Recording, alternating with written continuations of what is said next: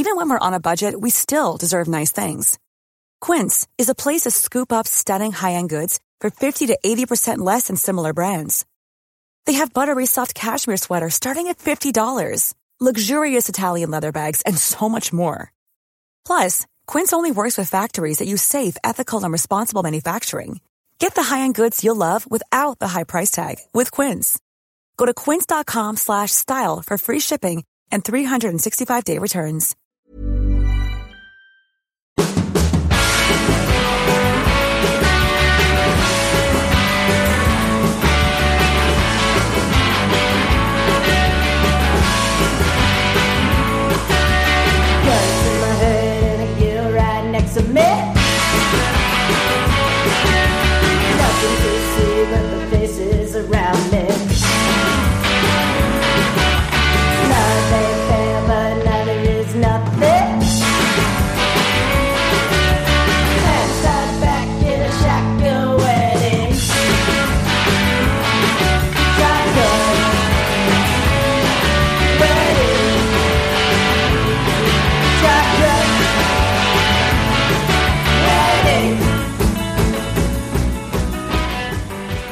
Välkomna ska ni vara till Indiepodden avsnitt 62. Vi är superpepp den här veckan för nu är det ju, eh, vi har haft James Hinchcliffe på besök och svarat på lyssnarfrågor från Indycar Sweden bland annat. Eh, han är ju minst lika trevlig eh, så här bara, bara mellan två personer så som han är på TV. Vad, vad, vad tycker ni om James Hinchcliffe? Jakob Fredriksson och Anna Andersson. Han är ju verkligen en, en rolig karaktär och det märktes ju när jag lyssnade på, på er intervju att det, det kom ju överens jättefort, till och med med dig Ronny. Så det var kul att eh, vi lyckades få tag på honom äntligen. Det var bra att du lyckades trycka på inspelningsklappen där också så att vi fick eh, vara med på ert samtal. Det hade ju inte jag lyckats med kan jag säga. ja, men vi har ju pratat mycket om. Din, ja, du, du själv hävdar ju att du är väldigt dålig på det tekniska. Men jag, jag tycker du undervärderar dig själv lite. Ja, jag är mer den här krokodilstilen som har mutat eh, tanter i växel, eh, växeln på hotell för att få loss texter och grejer med allt möjligt. Och krokodilklämmer på den gamla goda tiden för att få saker att- att funka. Och ja, mutat japanska städerskor för att hålla sig ute ur rummet så jag kan skicka texter. Mm. Det är mera hard, den hårda skolan. Ja, man får hitta vägar liksom för att kompensera i så fall. Det, men vad Jakob, tycker du att jag är, är svår att, att komma överens med? Jag visste att du skulle nappa på det där. Nej då, det är ju du faktiskt som eh, eh, brukar eh, ja, ragga upp våra intervjuer och vi fick en fråga på Facebook om hur lång tid det tog att eh, få tag på Mario Andretti såg jag. Eh, och eh, Ronny, det var ju du som ställde den frågan och du fick ju svar även på den intervjun ganska snabbt, eller hur? Ja, just det. Han har ju en egen PR, PR-ansvarig där som eh, var jättesnabb att återkoppla. Och det var, man tänker ju så här att en sån, en sån får man nog vänta på i några månader kanske innan det, man hittar ett datum. Men det var, han var väldigt eh, flexibel får jag säga. Är det är lite samma sak med Will T. Ribs nu. Som, nu har vi en ny tid med honom nästa vecka. Och, och då, det var ju, han sa, jag kan när som helst, när som helst på dygnet, men helst klockan två. Det var en av hans, hans enda önskan. Jag trodde det var när som helst när det inte är storm. Ja, men ja, det, det var väl en liten extra parameter man får addera här nu. För det var väldans vad det var snöstormigt där borta. Men nu är det ju tillbaka på ok- okej vädernivå i Texas också. Så att nu är, han, nu är han redo att prata med oss, det är kul. Men eh, ja, men vi hade ju en lyssnarfråga, eller lyssnarfrågesession där med Jens Hinchcliffe. Ska vi ta om en liten stund. Men det har ju hänt lite annat också. Vi ska ju prata, eh, gå igenom lite tester har det ju varit här nu förra veckan på eh, Barber igen. Första gången Romain Grosjean var satt i bilen. Och så har ju McLaren, Aaron McLaren Schmidt Peterson lanserat sin nya livery där. Det såg ju jättelovande ut. Ja, vi kan väl börja med att prata igenom testerna på Barber lite grann. Som sagt, Romain Grosjean Grosjeans första varv, en Indycar-bil och eh, dröjde inte jättelänge innan han snurrade. Eh, efter bara ungefär en timme, men han var snabb. Han var ju liksom med, med de andra i fältet, så det ska väl inte finnas någon skäl till oro att eh, Grosjeans olycka i Bahrain förra året ska ha ställt till för honom för hans eh, farten som han alltid haft i kroppen. Så han är fortfarande någon, någon som vi ser väldigt mycket fram emot att se, se på banan. Det känns väl bra med tanke på Gene Haas då planerade sponsring av Grosjean eh, och han drog ju tillbaka den då eh, eftersom han ansåg att Grosjean hade fru och barn och borde vara hemma istället. Så visade ju Grosjean i det läget vem det är som bestämmer, vem det är som är snabb. Det, det, det kan mycket väl ha varit, det var nog den värsta efterkonstruktion jag någonsin har på, hört, jag har hört på väldigt länge i alla fall, Gene Haas eh, efterkonstruktion där. Så han tog liksom på sitt ansvar att, ja nej, vad sa du Anna? Nej, han... Han skulle vara hemma hos eh, fru och barn istället. Tänk killar om det hade varit någon som hade sagt så till en tjej istället. Sagt det till eh, Danica Patrick att hörru du minsann, du har eh, man och barn hemma. Nu vet jag inte om hon har barn men du har man och barn hemma så jag tänker inte sponsra dig. Det hade blivit ett sju i helskottas liv av den saken. Så bara det tycker jag är helt sanslöst att man klämmer ur sig den.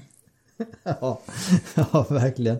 Men det var, så här, det var 12 förare som körde nu då eh, i eh, förra veckan och det skiljer till slut mindre än en sekund från mellan första och sista position där. Och eh, vi hade ju Ed Jones tillbaka också för Dale Coyne Racing så det är Ed Jones och Roman Grosjean ska ju köra ihop nu här då för Dale Coyne i, i år och där skiljer det faktiskt bara 9000 delar mellan de två vid dagens slut. Så trots att även många liksom vill sätta lite Eh, ja, gör det lite svårt för Grosjean. Så han är ju, han är ju snabb. Det ska, vi ska inte tro att han kommer bli utklassad av sina stallkamrater hos Dale Coyne. Dale Coyne må hända var ett av de svagare stallen, men eh, fortfarande mindre än en sekund efter Rinus VK som var snabbast då på Barber. Och eh, precis nu när vi pratar så är Dale Coyne också och några andra på Laguna Seca och testar ännu mer. Och det verkar vara en bana som Grosjean har sett fram emot mycket, för han har lagt upp en hel del bilder från hans vistelse i Kalifornien på sin Instagram och det verkar som att han har kört den banan väldigt mycket på iRacing också. Så han är jättetaggad. Det är så himla lätt eh, också att säga bara för att eh, Grosjean inte var så där extremt framgångsrik eller snarare rätt dålig i F1 de senaste åren. Eh, alla som följer både F1 och Indycar vet ju att inom Formel 1 så har det att göra med så himla mycket annat än förarens prestation. Du kan ju som förare inte glänsa i en dålig bil.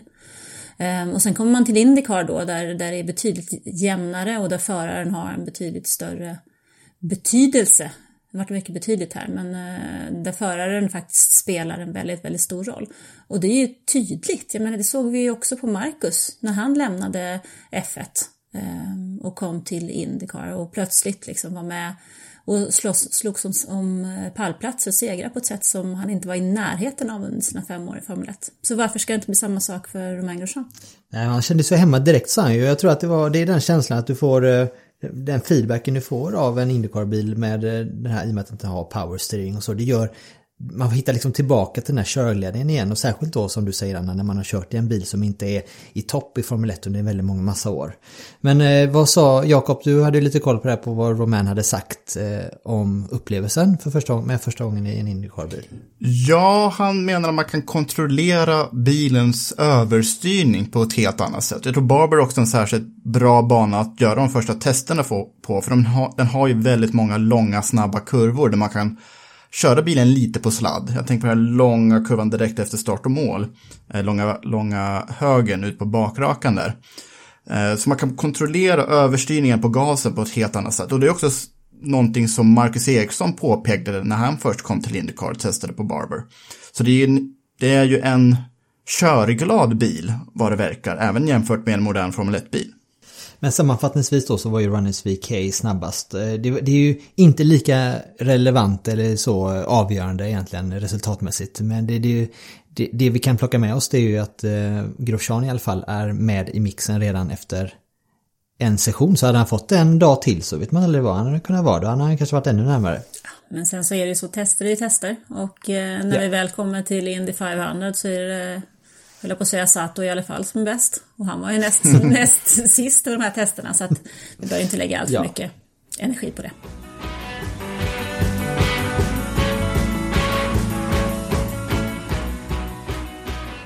Ska vi gå vidare nu till, eh, då i fredags så släppte ju Aaron McLaren eh, sin nya livery. Eh, du har gjort en jättesnygg och proffsig lanseringsfilm där när, när Felix Rosenqvist körde crossfit och så var de ute och sprang, Pat Ward och Felix och allting. Det var ju, såg ju ja, såg väldigt, eh, såg väldigt proffsigt och såg väldigt trötta ut också där. Det var svettades och det var, sen fick man ju se bilen då, det var väl höjdpunkten. Vad tycker ni om det då?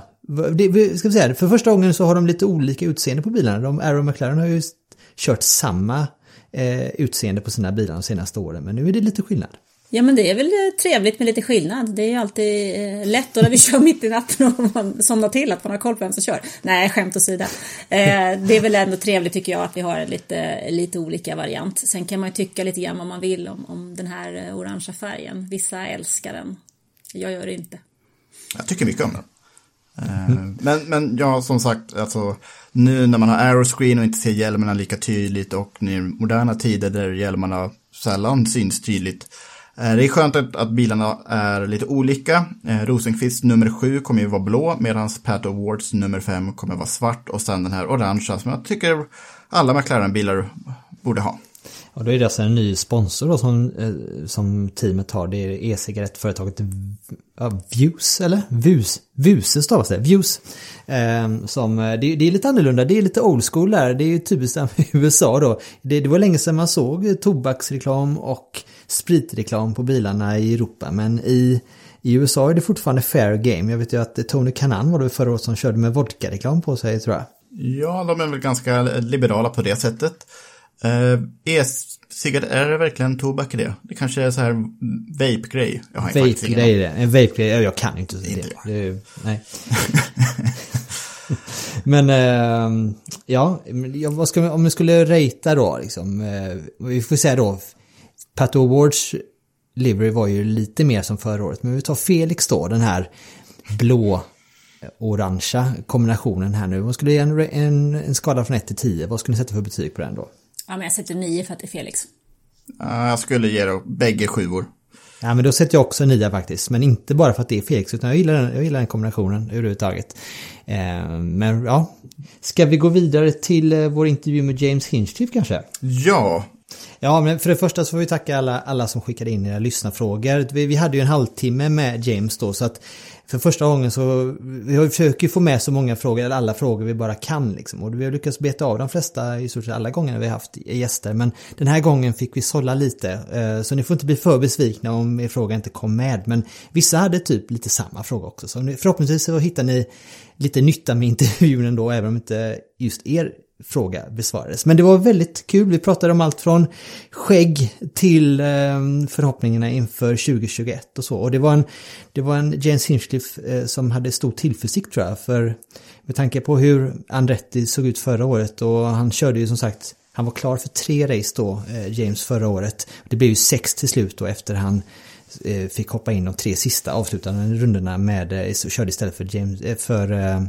Zach Beach då, som fick gå mot slutet av säsongen. Så det blev ju sex race totalt förra året och eh, det var ett det var ett svajigt år för Andretti överlag förra året men förhoppningsvis kan de bygga vidare på det momentumet de hade då i säsongsavslutningen och det, det pratade vi också.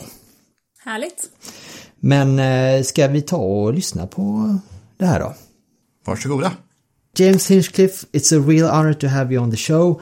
Uh, you're back full time at Andretti Autosport. Uh, can you describe the difference in your own mindset and preparations going into the 2021 season compared to last year? Well, sure. Yeah. I mean, you know, last year for me was uh, was a, a, partial season. You know, after a difficult ending to 2019, and uh, whenever you're not in it full time, you do have to take a little bit of a different approach, and uh, and I think it, it is harder to kind of keep your mind in the right place. But uh, at the same time, I was I was just thrilled to be back with Andretti Autosport. You know, it's a team that I ran with for three seasons and had a lot of success there, and so it was always something that we wanted to try to do again and get back together. And uh, and so for 2021 to have our partners like Genesis and Capstone step up and uh, and be able to be back full time, it's been awesome um, feeling like I could just go to the shop on any given day for no reason. Like when I was a part time guy, I felt like still kind of weird going there and like they don't want this. Where why is this guy hanging around here so much? He's only doing three races, you know. So it's uh, it's kind of nice to have that freedom again and uh, and interact with my crew the way that I want. And um, I'm just I, I don't know if I've ever been more excited for the start of a season. Mm-hmm, mm-hmm.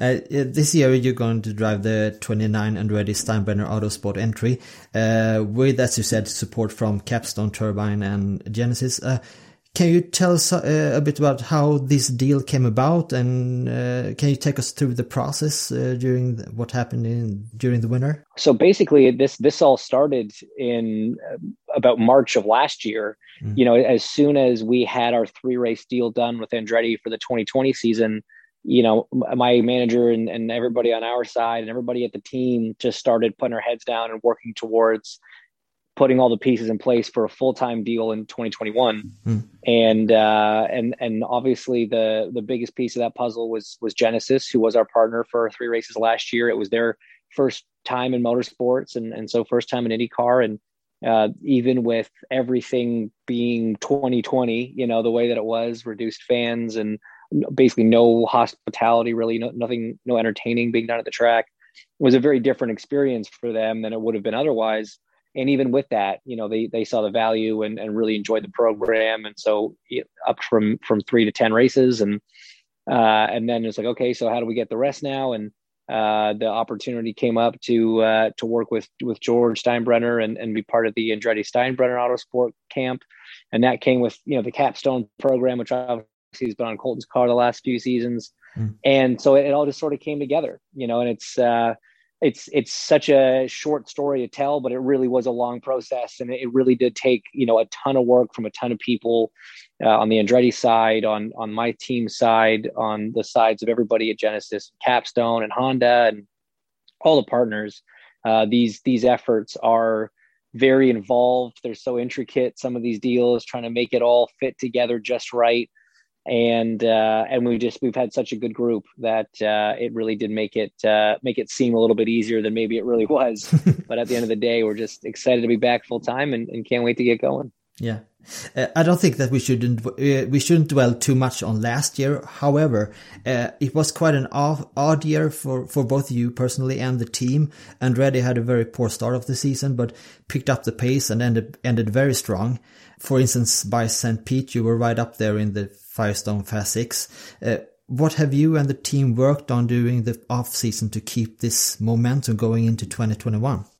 Yeah, well, I mean, you're you're absolutely right. The the team in general struggled a little bit off the off the bat, um, but really did get the pace going. They had the one, two, three podium sweep at Mid Ohio, and then I mean, frankly, should have been another podium sweep at St. Pete, but yeah. Alex Colton and I all decided to you know lose our minds halfway through the race um, yeah.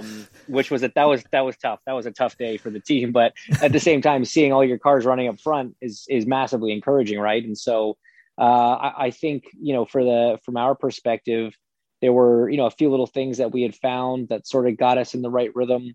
Um, I think just the way the season started, you know, the teams were still kind of working in shifts at the race shop, and we didn't have as much track time at each event, and there was all these things that were a little bit different. And i think it just took some adjusting on our side to get used to that. Um, a lot of those things are going to be the same this year. You know i think the the series has adopted a shorter format for almost every race weekend mm. less track time for us. So the preparation is going to be even more important. Yeah. And i think we just got into a, a better swing of uh of managing that uh, that new challenge. So you know, we're, we're cautiously optimistic. Obviously, St. Pete went well a few months ago. Hopefully, it goes well in a few months when we're when we're back there. Um, but no, it's it's going to be it's going to be super challenging because it's. Uh, I, I I was just joking with somebody. You know, for the last five years, every at the start of the season, we said this is probably the best driver group we've ever seen in IndyCar. Yeah. But every year we keep adding people to it, and it just keeps getting better and better. You know, mm. now we've got Jimmie Johnson, Scott McLaughlin, and Romain Grosjean, and those are three incredibly talented, skilled, successful drivers coming from all different types of motorsports, you know, in IndyCar. So it's going to be, uh, I think it's just going to be an incredibly competitive but really entertaining year. I don't, I don't, I don't see many drivers that that ain't good enough uh, in, in 2021. They're, it, it feels like they're all very good, they're very skilled. Yeah, Absolutely, and uh, and it's the whole way through the through the grid. You know, you've yeah. got your your Penske's and obviously a bunch of talented guys there, all the way down to the the teams that don't have that kind of resource. With you know, like I said, with Dale Coyne, and they've got a a, a guy with ten Formula One podiums, you know, yeah. running for them. So I mean, it's not it's not all bad. That's for sure. and 45 year olds competing of uh, for the title rookie yeah. of the year. It's it's crazy. Uh, but James, I don't know if you know this, but apart from our Swedish IndyCar drivers, Marcus Ericsson and Felix Rosenqvist, you are actually one of the most popular drivers over here. Did you know that? I did not know that, but I'm that's it's an honor. I'm I really like that. I uh I haven't had the chance to visit Sweden but yet, but it's been on my absolute top of my list of places to go and being teammates with Marcus back in 2019 was uh, was great. I mean, we we got to talk hockey, which was good. Yeah. Um, you know, fellow fellow uh, hockey fan, and uh, yeah, man, I've I've always wanted to come over and visit. yeah, actually, we have a question about that. So, so when we announced to the to our listeners that we we had this interview planned, um, it mm. turns out that many, many people were like seeking an audience with the mayor of, of Hinchtown. So, so, so, so, we decided decided to make this a, a, a, a sort of listener Q and A, if you don't mind. Of course, no, not at all, absolutely. uh, but let's actually when when you say uh, when you start talking about uh, Marcus there. Um, we actually have a question about that from Leif Söderman and Olle Enqvist. They ask, um, how was it to have him as a have Marcus as a teammate, and how is it to race against him today? It, it was great. You know, I mean, we got along really well right from the beginning. Uh, I think we bonded over hockey first and then racing second. Um, but uh, but no, I mean he came in obviously with five seasons of Formula One under his belt, and that's an incredible amount of experience. And they do a lot of things over there differently than obviously we do in the IndyCar world. And he came with a lot of great ideas and um, and he had a lot of speed. You know, the the big challenge for Marcus was he was learning all these tracks for the first time. Mm. And so Fridays were a little bit of a struggle. Saturdays he get better. By the race on Sunday, he's as quick as anybody. And so I called it. I said, "Hey, look, guys, 2020, keep an eye on Marcus Ericsson because he he left every one of those racetracks very comfortable and very fast and uh, and he did. He had, he had a great, you know, certainly a great first half of last year. Was was up in the top ten, top five a bunch, and uh, I, I love racing against him. I love we hang out. You know, when he's here in Indy, we we hang out from time to time. So um, no, he's it was it was great. It was a, a real pleasure to get to be his teammate. Mm. And and Micke Nyman also asks if if he if Marcus taught you any Swedish words or phrases that stuck.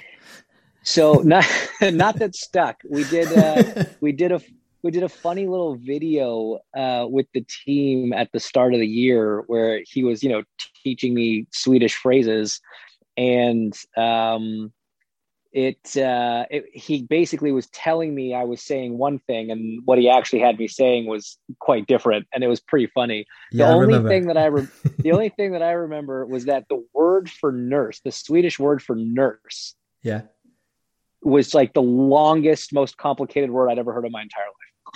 Sjuksköterska. Yes, yes, and then you you spell it out, and I'm like, I don't know, I don't understand how those letters make those sounds. This is, I'm clearly very new to this. uh, but I uh, I come to understand that Swedish is a very hard language to learn. Um, I believe uh, that. Yeah.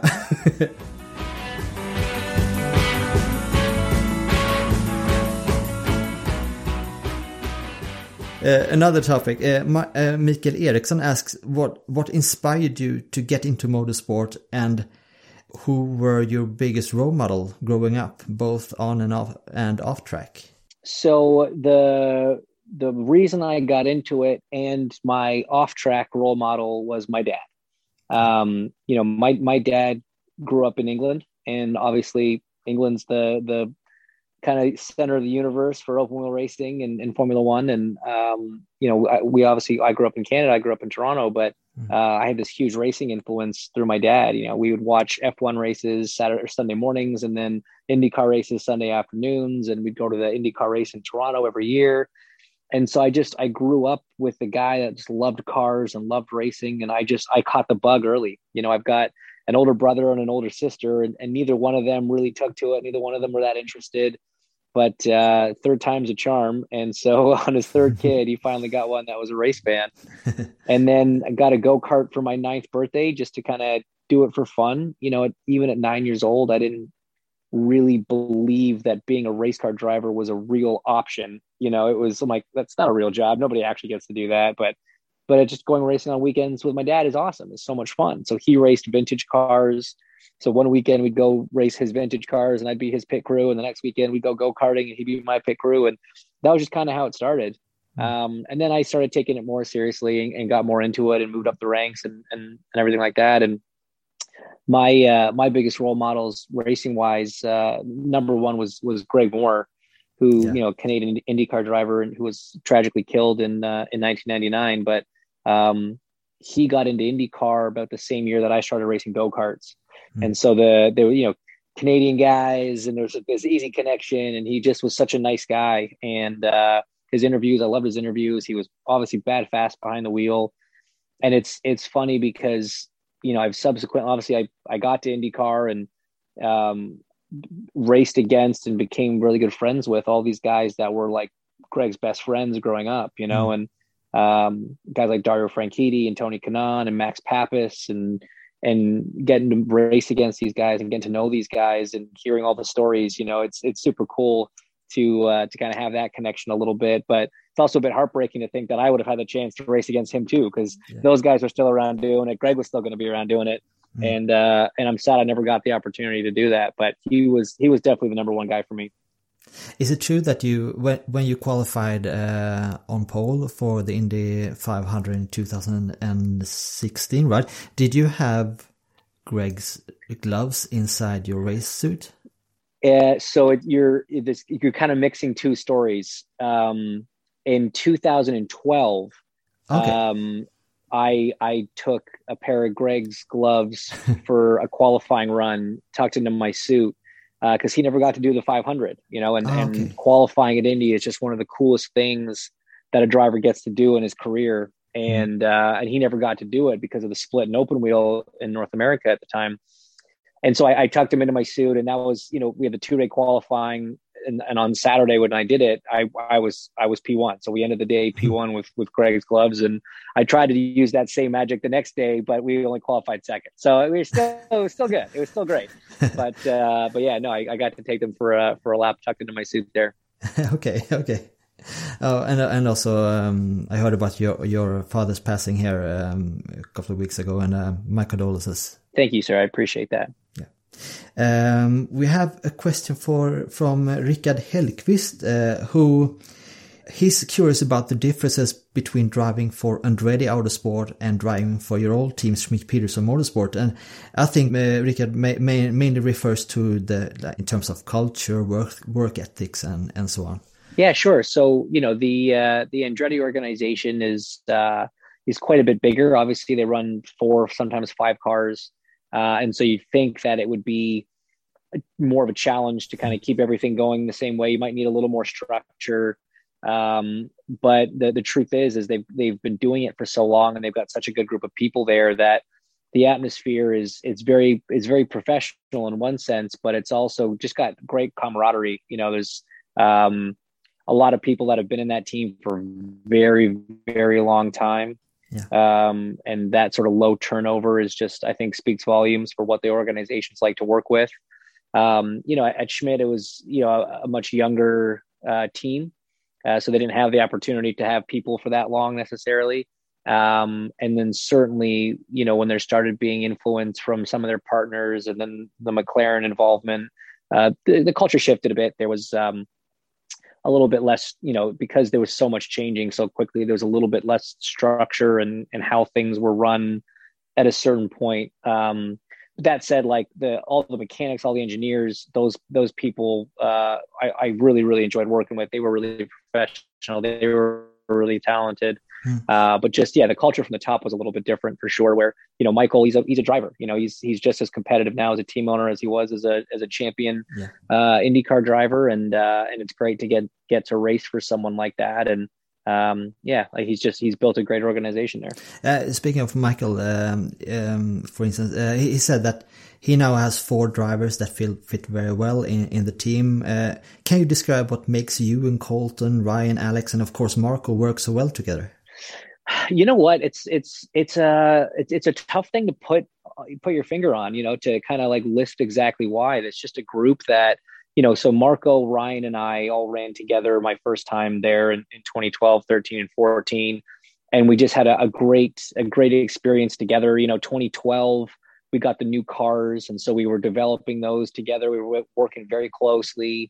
Obviously we got ryan to the championship that year. So there was just a a great bond I think that forms with a team that has success like that. And and then the year he won the 500 in 2014. So the three of us have been close for a long time. And I've known Marco since way before that. We, you know, we raced go karts together and Pro Mazda together and all these other things.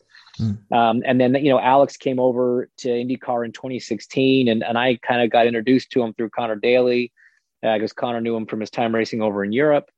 And um, when he first moved here, he didn't have a place yet. So he actually lived in my house for like three months. And so just got to know him really well. We just became good friends. And, um, and then, you know, Colton, you know, young kid, but I, have known Bryan Herta for a long time. And, uh, and he showed up in Indy Lights again, kind of coming back from Europe and just blew everybody's doors off. You know, he really impressed everybody. And he's just the funniest kid. I mean, he's like this I think he's 20 now or something, and he just he he just looks like I mean he looks like the most unassuming kid just walking down the street with his big hair flowing out of his hat. But then you throw a helmet on him and stuff him in a race car, and he's like just unbelievably supremely talented, yeah, and just cool, calm character. And so it just it makes a great dynamic. You know, we've got a little bit of every kind of personality, a couple different driving styles all mixed in there, so you can one weekend maybe rely more on a Hunter race setup, and one weekend maybe more of a Colton setup, and you know, we, we all just sort of help each other out. And um, it's, like I said, it's very open. It's not, uh, you know, obviously you want to beat your teammates, but it's not like that kind of Formula One mentality where you see like you're tr- actively trying to destroy your teammate, you know, like mentally, and it's it's just not like that. We help each other out until Sunday at the green flag, and then it's every man for himself. But it's just uh, it's just a really really good group of drivers in that in that engineering office right now. Yeah, we're bouncing between topics here. Uh, Pierre ha Hammargren asks, uh, "Hey Hinch." Hey Pierre. Yeah. Uh, which type of which type of track is your favorite? If you is your favorite oval, street, or road courses, and why? Yes. The answer is yes. I just I like them all. um, it's you know it's it's funny. I mean that's what I love most about IndyCar racing is the diversity in the tracks and to be a champion, you have to be good at all these different disciplines road courses, street courses, short ovals, super speedways. And the the answer is, you know, we would spend the, the, the calendar this year is, is obviously a little more biased towards the road and street tracks. And there's only 3 mm-hmm. ovals right now, but um, you know, normally you'd spend it, it was kind of nicely broken up as like five, five, and five. You know, if there's 15 to 17 races, it's almost a perfect balance of, of all the different types of tracks. And so you would do a couple road courses in a row, and they're like, man, I, street courses are a cool atmosphere. They're a lot of fun. I, I can't wait to get back to street course. Then you'd go to Long Beach or something, and you're like, man, this is the best. And then you'd go to Indy, and you're like, man, Indy is just the best. And then you'd go to the next track, like, man, this place is the best.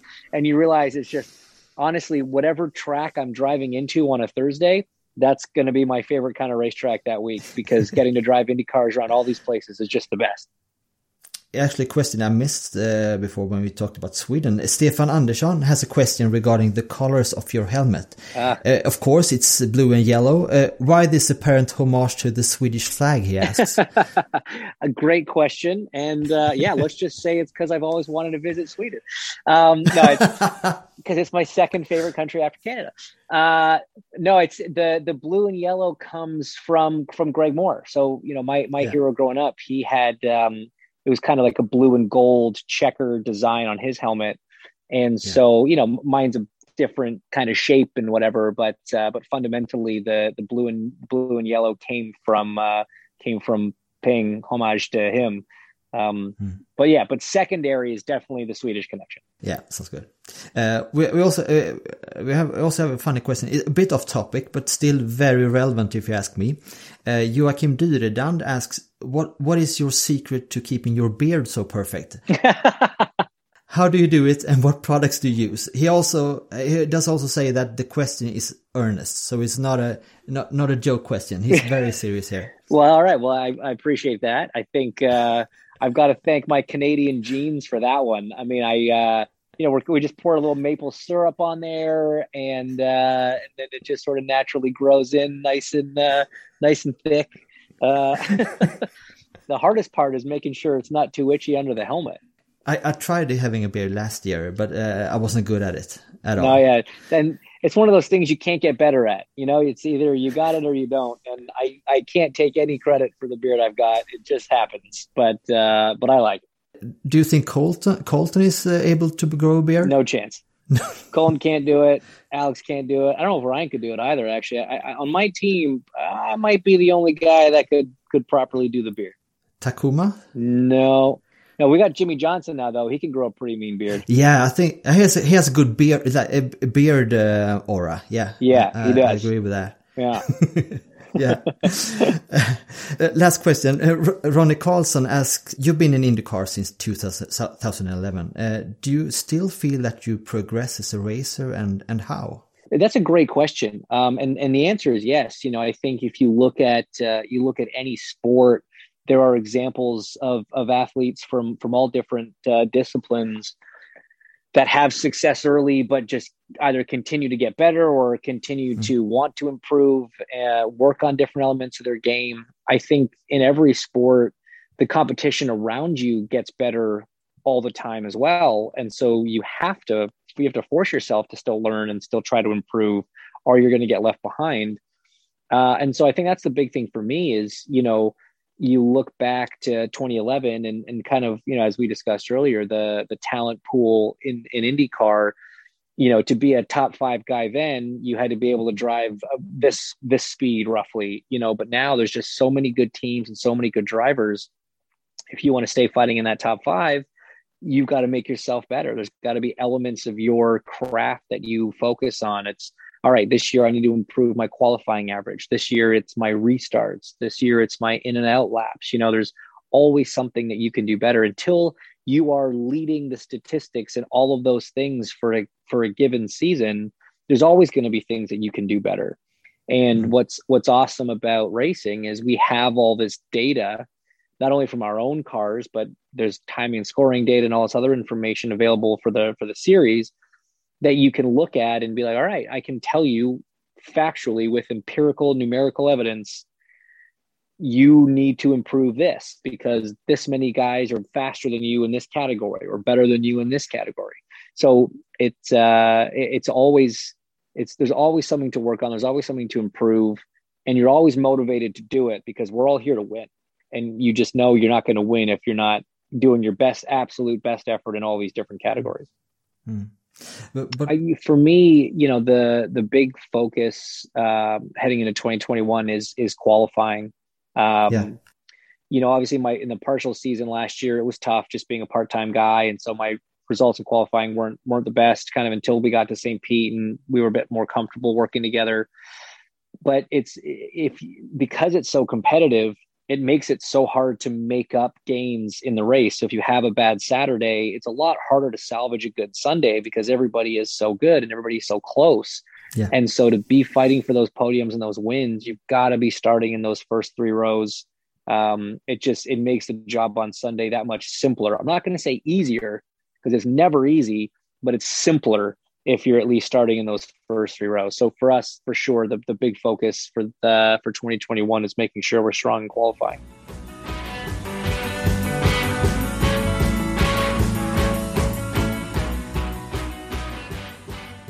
Uh, actually, I think we've reached the end of our time here. Uh, thank you so much, James, for your for your for being such a good sport. Um, final question: what, What's on the agenda leading up to the premiere at Barber in uh, on April 18th? Yeah, so we still have um, you know a few tests that we're going to get through. Um, we got one at Texas, still one at uh, Indianapolis. So there's a few few more shots in the car before we get going. Um, but you know, up up till then, we we have our big media day. We've got to go and get all of our pictures taken for all the programs and all the TV stuff and whatever, which is always kind of a it's almost like at a first day of school vibe, you know, because all the drivers come together for the first time since the last race from all over, and uh, and everybody's got their new suits on, and everybody's you know ready to go and bright eyed and bushy tailed. But uh, it's usually a, a, fun day, and that's coming up next week. So there's a few things on the menu, but uh, we're definitely excited to uh, to get to Barber here pretty soon and, and get back to racing. Tack igen alla lyssnare som skickade in frågor till oss. Eh, Ronny, jag såg, märkte att du sakade min fråga till honom ifall han hade kvar här plakatet som jättemånga fans skrev under precis efter han hade skadat sig 2015. Eh, då skrev jag en liten hälsning till honom på svenska, bara krya på dig. Ja, det var ju att vi körde faktiskt utan bild på den här intervjun så att eh, där, av den anledningen så gick den bort. Ah, okay. Men får jag mejla honom och fråga? Ja, det kanske vi kan göra. Men innan vi avslutar dagens podd så eh, ska vi skicka med kanske lyssnarna en liten varsin snackis också. Eller två snackisar har vi den här veckan. Den ena är ju eh, Oliver Solberg som har gjort succé i eh, rally-VM i Finland här nu i helgen. Det var en otroligt stark insats. Men jag tänkte vi kan väl börja med din Jakob. För jag vet ju att du har ju lite, lite Ferrari.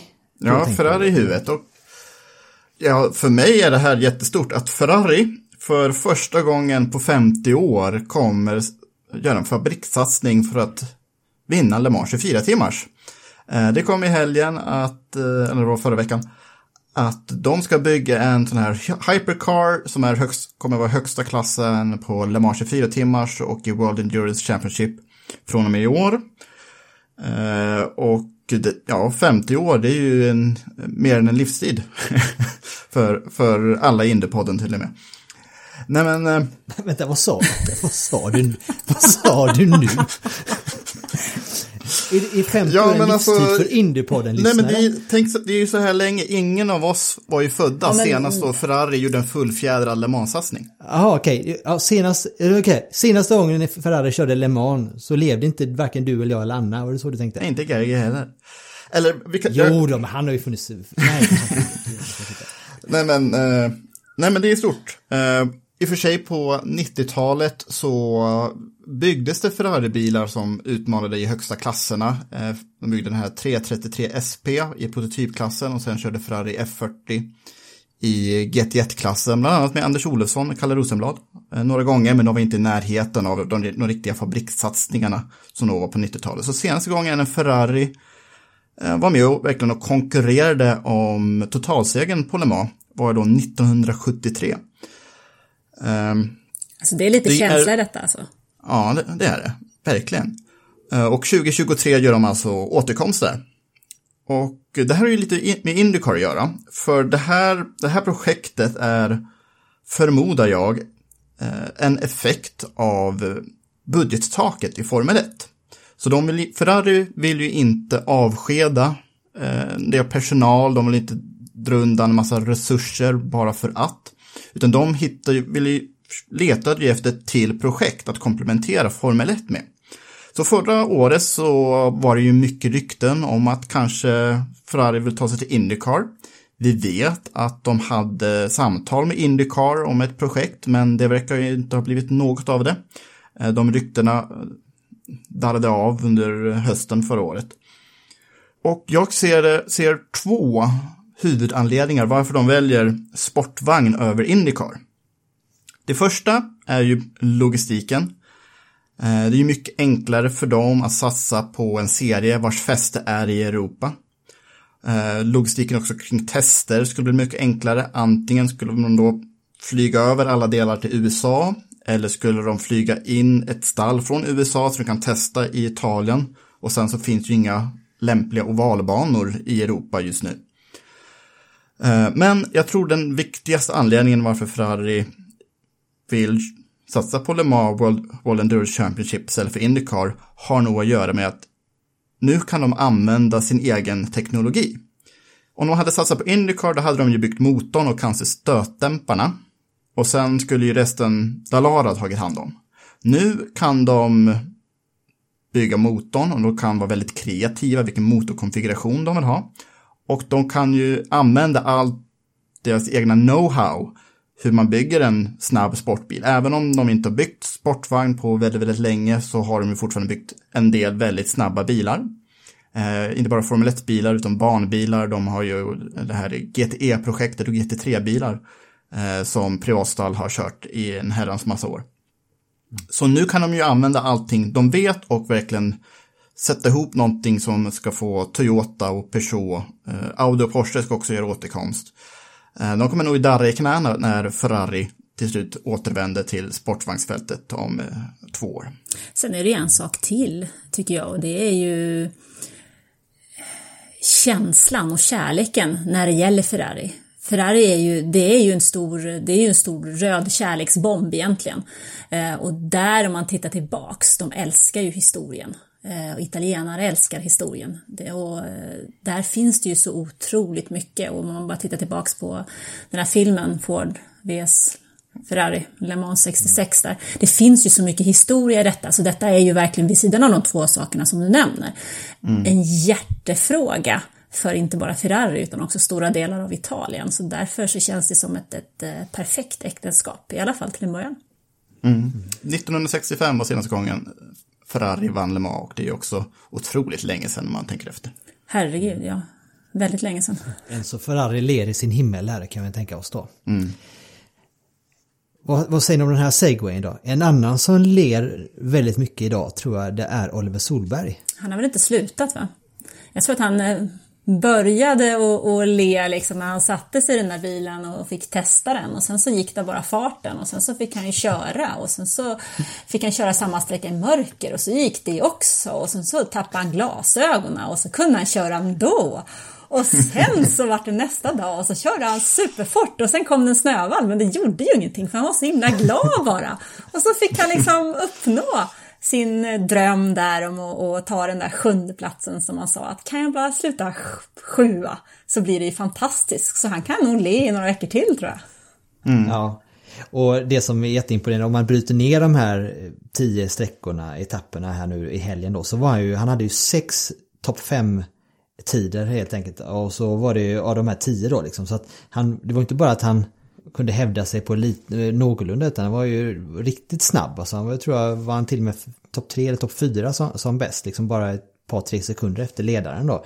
Så att han, han visar ju direkt att han är att räkna med. Det så frågade jag, kommer han få köra mer i år tror ni? Alltså jag pratade med honom, nu ska jag se här, när var det då? Var det måndagen innan eller måndagen innan dess. Ja, det var i alla fall innan. Mm. Eh, där. Och då så frågade jag honom just det, hur planen såg ut. För att planen från början var ju att han bara skulle köra eh, nationella tävlingar i VRC. Och då så sa han ju det att, men jag vet ju inte från dag till dag. Det kan ju, jag vet inte. Det kan bli att det här är det sista och det kan också vara det här att det här är början på någonting. Men det som är roligt att se, det är ju att han tar ju för sig. Och han mm tvekar ju inte utan han, han gör ju det som han är där för att göra och det är ju oerhört härligt med den eh, befriande inställningen. Liksom. Mm. Och sen så är det lite sådär, ja, min mailkorg fick ju, jag skrev ju om honom här så skrev jag ju svensk och då får man ganska mycket mail från, från eh, arga medborgare i landet västerut. um, och vad ska vi säga? Ja, han är ju född i Norge, han har norsk pappa, han har en svensk mamma, han är uppvuxen i Sverige men han kör med svensk licens och då kan vi väl få säga att han är svensk ändå. Ja. Han sa ju till mig vid något tillfälle, var det lite kul, så frågade jag honom hur valet gick till och då så sa han att pappa hade så mycket med sin karriär och han hade aldrig varit något vidare på papper och sånt där så mamma tog hand om det. Så då får han, så då får han skylla sig själv. Fair enough. Ja, alltså vilken frisk fläkt och vi säger sjua totalt, men om man inte hade gjort den här sista missen på sista sträckan en kilometer före mål, då hade han ju varit sexa och säger att han förlorade 12-13 sekunder när han fastnade i snövallen där, då hade han ju tagit poäng också på powerstagen. Alltså topp 5 på sista sträckan där alla tar i så det knakar. Mm. Och han, han gjorde ju ett par andra liknande småmissar när han tappade 10-12 sekunder, men Sebastian Ogier tappade 20 minuter i en snövall. Mm. Rovan Pere tappade också uh, tid i en snövall, Tänek gjorde det också. Så han körde Alltså man kan inte krä kräva mer. Absolut inte. Det som är lite intressant är väl också då att eh, han gjorde en miss i slutet va, på, när han körde VRC2 i eh, Monte Carlo och han gjorde en liten miss nu då, i slutet nu. Det får han väl ta med sig och eh, lära sig av helt enkelt.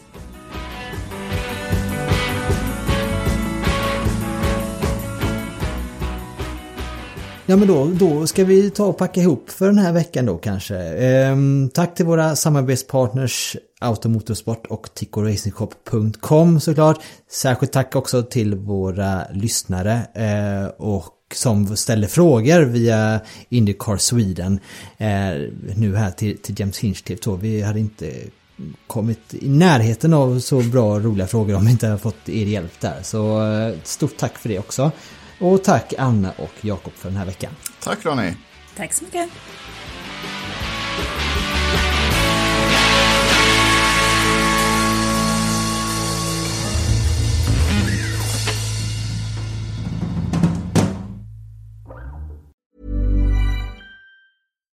Hi, I'm Daniel, founder of Pretty Litter. Cats and cat owners deserve better than any old fashioned litter. That's why I teamed up with scientists and veterinarians to create Pretty Litter. Its innovative crystal formula has superior odor control and weighs up to 80% less than clay litter. Pretty Litter even monitors health by changing colors to help detect early signs of potential illness. It's the world's smartest kitty litter.